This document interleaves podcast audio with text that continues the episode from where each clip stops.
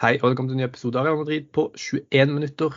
Real Madrid eh, er nok eh, fullstendig ute av tittelkampen nå, eh, kan man si, etter at de spilte uavgjort mot Real Betis i går. 0-0 ble det i den kampen. Andre kamp på rad at Real Madrid ikke har klart å skåre. Og de sliter virkelig framover på banen med å skape store sjanser, så det er jo selvfølgelig noe vi skal prate om i denne poden og fokusere litt på, da. Og i tillegg så blir vi nødt til å ta praten om, eh, om Don Carlo Angelotti. da. Når, når, det går litt eh, dårlig, da blir man på en måte litt tung til det. Men til å prate om alt dette har jeg Martin. Hei. Hola. Nei, altså, nå er det ni poeng ned, opp til Barcelona. Eh, Barcelona fortsetter å vinne 1-0, de. Det er jo imponerende. Det er jo sånn man vinner ligatitler, når de sliter og, og fortsatt klarer å dra i land en, en seier. Eh, minner litt om Real Madrid under Zidane, kanskje. Den der viljen til å alltid stå på og, og klare å avgjøre kamper. Dette ser vel umulig ut nå, gjør det ikke det? Altså, det så umulig ut. Jeg syns det har sett ganske tøft ut egentlig helt siden starten av februar. Ja, eh, altså man, man, skal være forsiktig med å si umulig, men jeg er helt enig at det ser veldig, veldig, veldig vanskelig ut nå. Eh, håpet man hadde, var jo at Barcelona-laget her skulle få en liten knekk etter å ha røkt ut av Europaligaen. Og det kunne jo nesten se litt sånn ut når de tapte mot Almeria. Eh, nå er avstanden ni poeng, og det har vel så vidt det er blitt tatt igjen før. Men eh, vi er ikke langt unna avstanden. Det er vel tolv poeng som aldri er blitt tatt noensinne. Eh, og det er eh, og det er 14 serierunder igjen. Så umulig, nei, men eh, det skal veldig mye skal gå Real Madrid sin vei for at eh, det her skal lykkes. Og når man legger, legger, inn i ligningen at Barcelona nå er ute av eh, Europa og egentlig kun kan fokusere på si, hver helg og den 1-0-seieren de skal ta i La Liga, så tror jeg det blir veldig, veldig, veldig vanskelig. Så du er nok inne på noe når du sier at man skal se langt etter seriegullet i hovedstaden denne sesongen her.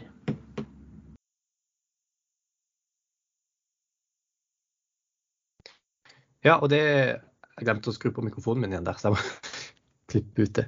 Uh, og det er nok veldig mange som er skuffa over. Jeg tror de aller fleste hadde Real Madrid som en stor favoritt før denne eh, La Liga-sesongen, og det så så bra ut på høsten. Um, men jeg syns samtidig det er viktig å sette det litt i kontekst for um, dette Barcelona-laget. Hvis de hadde slått Almeria uh, forrige søndag, hadde, vært, hadde, da tatt uh, det, det høyeste antallet poeng et Barcelona-lag noen gang har tatt i La Liga på det tidspunktet i en sesong. Uh, så ja, Real Madrid har vært svake. det er på en måte Real Madrid som har gitt i denne luka, men samtidig så er dette Barcelona-laget ganske unikt i La Liga.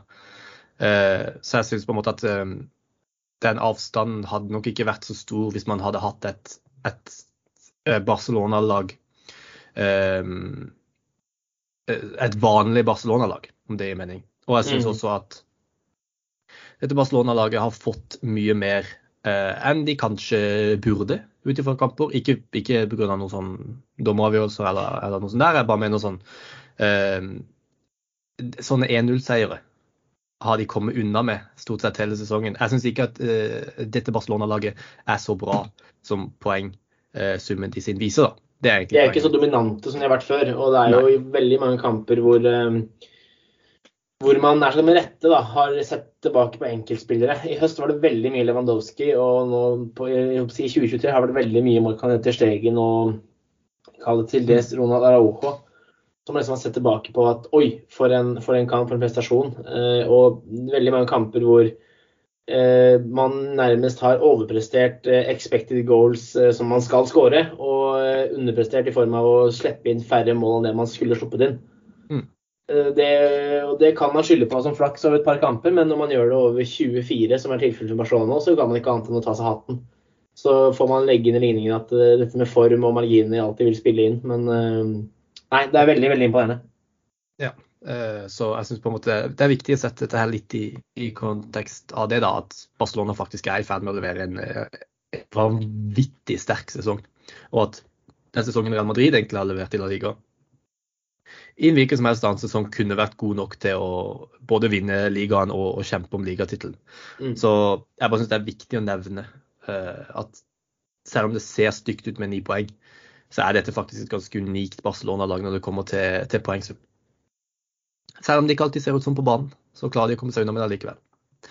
Men eh, ja, tilbake til, til, kampen, litt om kampen i går. Det er ikke så mye å prate om, for det var veldig lite som skjedde. Vi hadde sagt det på forhånd at borte mot Real Betis kom til å bli en tøff kamp. Eh, og litt sånn havner litt mellom store kamper. Og da kan det være litt vanskelig, det har vi sett før, da kan det være litt vanskelig for Real Madrid-spillerne å skru helt på. Det er jo åpenbart at disse spillerne er lagd for Champions League-semifinaler og, og El Clásico. Sånn. det, er, det, det er de kampene disse spillerne lever for. Eh, så det å skru på til en, det som i utgangspunktet er en tøff bortekamp mot Real Betis, er, de sliter litt med det noen gang. Og det syns jeg du så litt i går, og det var egentlig forutsigbart at dette kom til å skje, altså. Syns jeg. Um, et Real Madrid-lag som sleit med å skape sjanser, fikk en annullert skåring i første omgang som på en hands fra Rydiger. Uh, har Benzema-frispark som vel så greit ut det er jo sånn, Regelen er jo sånn at så lenge ballen er borti hånda til en offensiv spiller, eh, så er det jo hands uansett. Eh, så den så vel grei ut. Eh, men generelt et Real Madrid-lag som sleit med å skape sjanser. Når de først fikk de, så bomma de på de. Rodrigo med en kjempesjanse i andre omgang som han satte over. Dani Ceballos med en like stor sjanse senere i kampen som han satt utafor. Og da blir det 0-0. Men jeg vet ikke hva du tenker om, om dette nå. For nå er det altså, som jeg sa, etter, etter eh, Liverpool-kampen hvor de skåret fem mål, så har de nå skåret ett mål på tre kamper. Det var en dødball. Eh, Alvaro som litt sånn kaosskåring, om du vil. Alvaro som skårte fra, fra hjørnespark. Ingen mål fra åpent spill på tre kamper. Eh, ikke vunnet en kamp på tre kamper etter den Liverpool-kampen. Tapt mot Barcelona. Eh, hva er feelinga nå? Hva er, som, hva er, det som, går galt? Hvordan, hvorfor klarer Real Madrid å skåre mål når de har mange av de beste angrepsspillerne i verden? Det, det, er jo det som er nøkkelspørsmålet her. Eh, nå var jo ikke jeg med på noen podkast etter Barcelona-kampen, men jeg kan liksom trekke inn at altså den, den Eldervi-kampen mot Atletico Madrid den kan jeg til en del forstå at ble litt sånn underwhelming, for da kom han fra en virkelig up mot, mot Liverpool. og da blir de gjerne tatt litt, om ikke på senga, men når du da møter et lag som har eh, virkelig lada opp for den kampen hele uka, og som egentlig har alt å vinne, så kan jeg skjønne at kampklimaet ble som det ble der. Men en, altså tanken som slo meg da jeg så Barcelona, Barcelona-kampen, og som jeg òg eh, følte under kampen i går mot Real Betis, det er at Real Madrid har mye ball, Real Madrid styrer spillet. Real Madrid er sånn, hvis man skal se på banespillet, det beste laget. Men man ser sliten ut. Og måten man eh, takler den, den slitsomheten, holdt jeg på å si, måten man velger å jobbe med det, er at man har ballen i laget uten at det gjør så veldig mye. Det er ikke noe energi til å ta noen initiativer. Eh, det blir veldig stillestående og bare trilling på trilling på trilling på trilling på trilling, som er veldig lite progressivt. Uh, og det, det, at man er sliten, det, det kan måte stemme med statistikken. fordi fakta etter VM er jo at Real Madrid i La Liga har uh, har tapt 12 poeng av 30 mulige. Eh, og det er ganske oppsiktsvekkende tall sånn egentlig. Så eh, jeg syns man ser sliten ut, men i motsetning før hvor det måtte sett sånn energiløst ut og kamper man har som har blitt litt sånn Hawaii fordi man har mista ballen, så klarer man liksom å holde på ballen og være ballsikre, men man klarer ikke å gjøre så veldig mye fornuftig med den. Nei, og det Jeg syns jo det har sammenheng med, med, mange forskjellige ting. Det er på en måte vanskelig å skylde på én ting, men det er en trend man har sett, uh, mener jeg, tidligere i sesongen. At vi har til dette her. At uh, det som funka så bra forrige sesong, var jo at Venicius kom litt ut av ingenting. Um, og at uh, motstanderlag sleit med å forsvare seg godt nok mot Venicius. Uh, og at når de først på en måte prøvde å finne ut av dette, så ble det plutselig rom for Benzema. Eh, og så skåret han 30 eh, mål i løpet av en sesong. Så det var bare det var vanskelig. Real Madrid var uforutsigbare forrige sesong med den framveksten av, av Venicius. da. I år så syns jeg du har sett at motstanderlag har fått bedre kontroll på hvordan de skal forsvare seg mot spesielt Venicius. Eh, Benzema har vært mye skada ikke hatt sin beste sesong. Det må vi bare innse. og Det er kanskje noe vi, vi burde prate om i en annen pod også. Eh, hvordan Real Madrid skal løse den Benzema-situasjonen. Um, og Det har gjort at Real Madrid har blitt mindre forutsigbare. Det har bl.a. ført til at Fede Valverde har blitt avgjørende i mange kamper. Eh, han har skåret veldig mye mål, og man har vært veldig avhengig av langskudd fra Federico Valverde, eh, f.eks. Eh, for å bryte ned disse lagene. Nå har Valverde hatt en formdupp etter jul, og jeg tror at det rett og slett har mye med, med det å gjøre. At man har ikke nok strenger å spille på, man blir for forutsigbare i angrep. Det fungerte litt godt da, da Dani Ceballos f.eks. kom inn og Kamavinga kom inn og starta mer. Det ga litt mer energi på midten. Og det gjorde det litt lettere for Real Madrid å presse høyere opp i banen. Eh, men nå har den effekten dabba litt av, og da sitter man igjen med et forutsigbart angrep som handler om å få ballen ut til Venicius, og så skal han prøve å drible fire spillere uten å få noe særlig hjelp. Eh, spesielt når Nacho er venstreback, så får han jo ingenting hjelp. Det, bare, det blir forutsigbart, og jeg tror at Real Madrid trenger eh, en plan B. en mye bedre plan B enn det de har nå. For akkurat nå så Jeg ser ikke noe plan B fra Anslotti. Er, er virkelig plan B nå blitt å sette inn Alvaro og begynne å stå innlegg? Er det, er det, det vi ser? Ja, det ser jo sånn ut. Eh, og altså, Alvaro gjorde en veldig god figur i debuten mot Sassona og skåra mot Atletico Madrid. Så han har jo vunnet eh, solide mengder goodwill da, til å fortjene en real sjanse. Men jeg tror liksom ikke det der er måten å løse det på. Og jeg syns vi har snakka en del om det allerede, men jeg syns nøkkelen til at Real Madrid ikke, helt lykkes nå, egentlig spesielt i kamper mot etablert forsvar, er jo at man ikke har bekker som er gode nok offensivt. Ja. Det er eh, utvilsomt det ja. største problemet. Eh, det har man for så vidt i går med Kamavinga. Eh, og jeg syns nok en gang Kamavinga gjorde en veldig god figur som venstreback. Men en som var langt, langt, langt, langt, langt unna god nok i går, var Lucas Asques. Og uten at det her skal utvikle seg til en rant, så syns jeg egentlig at den høyre back-posisjonen til Madrid eh, får kriminelt lite kritikk. Eh, Lucas Askes, jeg har fått sansen for han etter han ble egentlig omskolert som høyreback, fordi jeg syns han gjorde en veldig god figur den første sesongen der, og jeg syns han egentlig er en eh, brukbar løsning som reserve. Mm. Og at han ikke gjør sin beste kamp når han har vært skada i nesten to måneder, det, det gir mening. Det, det, er ikke noe problem. Men det at liksom Dani Carvahall er førstevalget der nå eh, Jeg husker ikke hvem det er som sa det her til meg for ganske nylig, men eh, som Dani Carvahall egentlig har sett ut denne sesongen her, og egentlig store deler av forrige også, det er veldig lett å la seg blinde av en veldig god Champions League-finale hvor han var, hadde Louis Diaz i lomma. Det minner veldig om en, en klassisk høyrebekk på hell, som gjerne får litt for mye kall goodwill fordi han er Eh, Real Madrid-produkt, klubblegende, alt det opplegget der. Eh, man kan nesten trekke enkelte linjer til hvordan det i sin tid var med f.eks. Michel Salgado. Eh, nesten også Alvor Arbeloa, selv om Arbeloa ble litt mer frøset ut, eller faset ut da, mm. i så tide. Men, og det bunner egentlig ut i frustrasjonen om at man ikke valgte å hente Joao Cancelo, når absolutt alt tyder på at man fikk det tilbudet fra si, hans entourage. da. Så plan B, eh, ja, man, man, mangler det. Men jeg tror at plan A hadde vært vesentlig bedre hvis man bare virkelig hadde hatt bedre offensive backer. Det er liksom det største ankepunktet jeg har nå. For det, igjen, skal man pumpe inn på Alvaro som plan B, så trenger du i hvert fall høyrebacker som overlapper, sånn at du ikke bare får en ving som er veldig lett å ta ut for motstanderen, som bare banker innlegg inn i låret på høyre- eller venstrebekk. Det så du mye av i går når man fikk inn Alvaro. Det ble jo veldig stillestående, og det innlegget det ble blokkert med en gang. Ja, jeg kan ikke huske at uh, Alvaro var involvert i en hodeduell i boks i det hele tatt. Nei, det kan nesten ikke heller. Nei, og jeg, jeg, er helt enig med deg at uh, Nå skal ikke jeg gjøre dette her til en Bellingham-prat heller, men jeg klarer virkelig ikke å forstå hvordan det er fornuftig å bruke 150 millioner på Jude Bellingham når man skal starte neste sesong med Dani Carvahall som første uh, valg på bekken. Det synes jeg er helt ubegripelig. Da er det mer fornuftig med 70 millioner på Joao Cancelo. Det hadde vært så mye mer fornuftig. Uh, og jeg er enig, backer er et stort problem. Da Dani Carvahall kom inn i går, jeg synes det er, det en situasjon der som oppsummerer det så bra. Og det er, det er på overtid i kampen.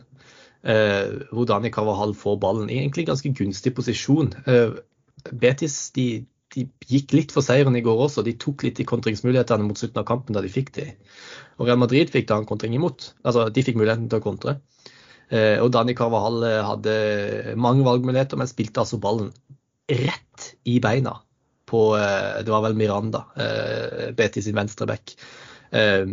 sikkert i et forsøk på å få han gjennom beina, eller noe sånt der, men det bare ser så vanvittig dumt ut. Og jeg, jeg, virke, jeg, jeg, skjønner heller ikke det byttet, forresten. At Dani Carvahall liksom skulle inn og gjøre en bedre offensiv jobb enn Lucas Vasques. Det skjønte jeg heller ikke. Uh, så jeg syns det er det største problemet til Real Madrid når du kommer til angrepsfotball, sånn totalt sett, er backene. Tenk deg om du har hatt Marcelo til å hjelpe Venicius eh, på venstresida der. Det er ikke noe rart Venicius syns det er vanskelig å komme seg forbi tre-fire spillere når han ikke får hjelp fra noen. Mm. Eh, og det har, det har, virkelig fått meg til å tenke at selv om det kanskje ikke er en langsiktig løsning, at det å ha Kamavinga som fast venstreback for Real Madrid nå ut sesongen, det er ikke sikkert det er så dum løsning, altså.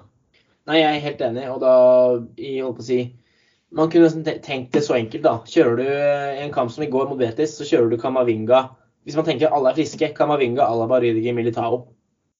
Eh, mm. fordi Militao han har jo gjerne ett eller to løp i løpet av en kamp hvor, eh, hvor han kommer oppover. Han har veldig godt driv med ball.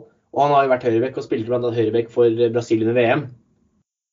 Uh, og ja, igjen. Uh, jeg syns det greiene spesielt høyrebekken til Madrid holder på med, er uh, Det er ikke det at man er så veldig dårlige, man er bare på langt nær ikke gode nok og klarer ikke å bidra med det man gjerne skulle gjort. Mm. Og det er faktisk nesten så man må spørre seg. Altså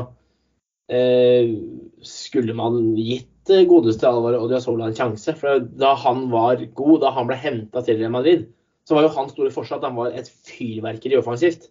Ja. Og han har jo fått spille kanskje et kvarter hele sesongen, men jeg syns jo bare på det bitte, bitte, bitte lille jeg har sett, så har jo han da i vært offensiv. Så er han eh, nærmest en rundingsbøye defensivt. Og ja, det har sine minuser.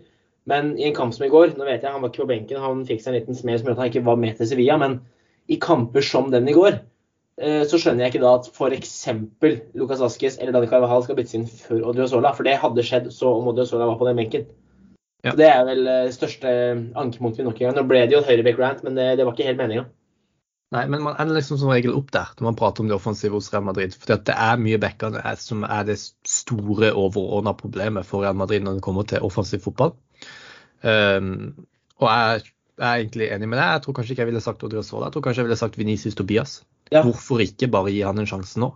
Det er så tynt på den høyrebekken. Du så hvor bra det har fungert for Barcelona med Baldé. Uh, Vinicius Tobias er langt ifra perfekt. Han har defensive svakheter, han også. Men jeg bare tror at sånn Jeg ser virkelig ikke for meg at det kan bli så mye verre enn Danny Carvahal akkurat nå. Og Lukas Vaske. Så jeg er virkelig for å bare gi han en sjanse. Bare hiv han inn der og se hvordan det går. For ligaen er tapt nå uansett. De taper ingenting på å hive inn Venicius eh, Tobias i de kampene. Jeg husker jo veldig godt den, eh, den katastrofesesongen hvor man hadde Lopetegi Solari før Zidane returnerte. Når Zidane da kom tilbake rundt den tiden her i det som da var vel 2019, altså fire år siden, eh, da var jo på en måte ligaen tapt. Og da hadde jo egentlig han en periode resten av sesongen som var sånn eh, nå, er det, nå, er det, eksamen for samtlige i troppen. Alle skal få prøve seg. Og så ser vi hvordan det går. Eh, og den sesongen der så fikk jo f.eks. en spiller som Sergio Regilon egentlig sitt store gjennombrudd. Og så var egentlig jeg litt uenig i at han ble solgt den sommeren. Eh, men, men, nok om det. Og det er som, som sagt, eh, hvorfor ikke bare gi det forsøket? Det klarer ikke jeg helt å, helt å forstå. Ja, jeg er enig. Eh, men jeg syns samtidig det er viktig å se også på at det er på en måte et fall i nivå hos, hos Karim Benzema også. Han er, han er, rett og slett ikke i den formen han var i fjor. Han har vært mye skada og litt ute av rytme og virker rett og slett ikke helt å være Altså, det virker, det, er, det virker som det er en liten nedgang, da. Og det er jo ikke så rart når han er så gammel som han har blitt. Jeg bare tror at de aller fleste ikke så det komme såpass tidlig som det har gjort nå. Uh, og det er kanskje en diskusjon for en annen pod, men jeg syns også at det har en del å si at Benzema ja. faktisk har falt en del i nivå siden forrige sesong, når det kommer til, og at det begrenser Real Madrid offensivt. Det er jo en sammensetning av mange årsaker. og mm. Det er som du sier, det er Venicius Junior som har blitt ett år eldre. Han har gått fra å være et litt utskjelt stortalent til å være en etablert verdensstjerne. Som alle lag setter to til tre spillere på for å ta ut i hver kamp. Karim Benzema har blitt ett år eldre, og at han skulle opprettholde nivået fra forrige sesong, det var helt urimelig. Men fallet har kanskje blitt litt større enn det man forventer. Mm. Eh, pluss at egentlig det som også da var problemet forrige sesong, som, som, da ble litt kamuflert, blir jo enda tydeligere nå. Som spesielt de to spillerne vi nevner, ikke helt uh, ikke helt klarer å gjenskape det de gjorde forrige sesong. Og så er det som vi skal inne på. Uh, Real Madrid er så enkelt satt sammen at når resultatene ikke går veien, så er det én person det retter søkelyset mot. Og ja. det vet vi alle hvem er. Og vi må egentlig videre til det nå, for vi er egentlig litt over tida allerede. Eh, det blir nok flere podkast om dette her i løpet av året når det utvikler seg. Eh, men at Carl Angelotti sitter eh, litt usikkert i den trenerstolen nå, det syns jeg det har vært en vanskelig vinter for Real Madrid. De har tapt La Liga. De, ligger, de tapte jo da Supercopa-finalen det er ikke umulig at de går videre i, uh, i Copa del Rey, men de, jo, de har jo satt seg selv i en ganske vanskelig situasjon der også. Det er det jo ikke noe tvil om. Champions League ligger de godt an i, men plutselig så trekker man Manchester City, og så sliter man. Hvor trygt sitter Angelotti nå? Hvor, burde vi være redd for at noe kan skje liksom, allerede de neste månedene? Eller sitter han trygt ut sesongen uansett? Jeg ville blitt veldig veldig overraska hvis han slått i holdt på å si eh, ikke sitter ut sesongen. Det overrasker meg veldig. Når det er sagt, så er det jo som vi har snakket om eh, Madrid og fotballen der er så enkel at presterer man ikke, så er det ut. Men man har jo gjerne sånn erfaringsmessig sett eh, Florentino Perez la liksom sesongen ebbe ut da før man gjør noe. Det er veldig mange mens vi snakker om Ancelotti, som er det veldig mange som husker eh, den 14-15-sesongen. Der nesten alle var uenig i at han skulle få fyken, men det fikk han. Eh, da tapte man jo egentlig La Liga veldig tidlig til Barcelona. Eh, man røk jo ut i semifinalen Champions League og ble vel ydmyka i Copa del Rey Atletico Madrid, hvis ikke jeg husker feil. Men da fikk jo fortsatt Ancelotti sitte ut sesongen. Og jeg tror ikke Real har noe å hente på å gjøre noe bytter der før sesongslutt. Men jeg er ganske glassklar på sånn som ting er nå, så sitter man på Valdebebas og er litt sånn Ja, eh, Raúl, ikke, ikke stikk noe sted. Eh, Porcetino, hva er planene dine? Eh, de, har, de, har, nok ganske mange følere ute på det, det, som er av ledige trenere. Man kan jo nesten til og med slenge inn Zidane. Hvordan, hvordan er forholdet vårt der? Er, er det noe bedre? Eh, så jeg tror man har alternativene klare. Men fokus er på at eh, Ancelotti skal få sesongen. Og så er det ganske enkelt. Hvis Real Madrid ikke vinner noen ting, så er Ancelotti ferdig. Hvis Real Madrid eh, vinner i Copa del Rey og ryker ut i kvartfinalen i Champions League, så er Ancelotti ferdig. Hvis Real Madrid ryker ut i Copa del Rey og eh, f.eks. vinner Copa del Rey og ryker ut i semifinalen Champions League, da tror jeg liksom Kall det det imaget man Eller det uttrykket man gir i, spesielt i La Liga. Liksom hvordan man takler den eh, sluttspurten som egentlig blir veldig betydningsløs. Den tror jeg da vil bli avgjørende. Men eh, jeg ser for meg veldig mange scenarioer der Arcelotti ikke er Madrid-tjener når vi kommer til starten av juni der sesongen avsluttes. Det virker liksom nesten som at jeg har skrevet litt i stein allerede. Dette med, det, dette med de Brasil-ryktene som har oppstått, som jo selvfølgelig alle har avkrefta. Men det er på en måte noe som ligger der, eh, og som har gjort det en stund det er dette her med at særlig da Mauricio Pochettino er ledig. En trener eh, eh, Florentino Perez har hatt lyst på lenge. Det er bare et eller annet her som jeg syns ikke stemmer. og jeg hadde vært veldig veldig overraska om Angelotti er trener for Real Madrid neste sesong. Om det er riktig eller ikke, syns jeg si på dette tidspunktet. Jeg syns det er litt vanskelig å, å, vite hvor mye dette her som er hans skyld. Det er ikke hans feil at han ikke fikk en backup-spiss i sommer, som han ba om. Nei. Uh, han ba om Cancelo. Ja, han ba om Cancelo. Det er ikke hans feil at han ikke har fått inn Macker. Jeg syns det er litt vanskelig å vite hvor skylda ligger. Uh, eller den ligger jo sikkert mange steder, da, men eh, hvor mye av dette som er anslått til sin feil, er jeg usikker på. Um, men han sitter nok ut sesongen. Det er jeg enig med deg. Eller spørsmålet er også da blir man litt utålmodig da? Er man redd for at Pochettino kan finne på noe uh, i løpet av våren? Et, et, navn som jeg liker veldig godt, er jo Thomas Tuchel. Litt usikker på hvordan det hadde fungert i Real Madrid, men en, en trener jeg liker veldig, veldig godt. Uh, som også er en mulighet her. Så svaret på, på spørsmålet hvor trygt sitter Angelotti, er vel ekstremt utrygt. Jeg vil svare på det.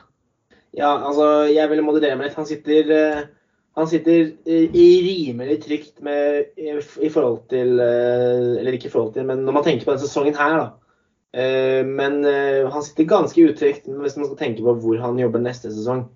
Og så vil jeg bare mm. kaste ut der at jeg føler meg ganske sikker på at han som tar over etter han slått inn når enn det blir, heter Raúl Gonzales. Ja. Hadde, ja, jeg er egentlig enig i at jeg har alltid sett for meg at det blir neste treneren. Um, men når, Ancelotti, nei, når, når Pochettino er ledig, så er jeg litt usikker.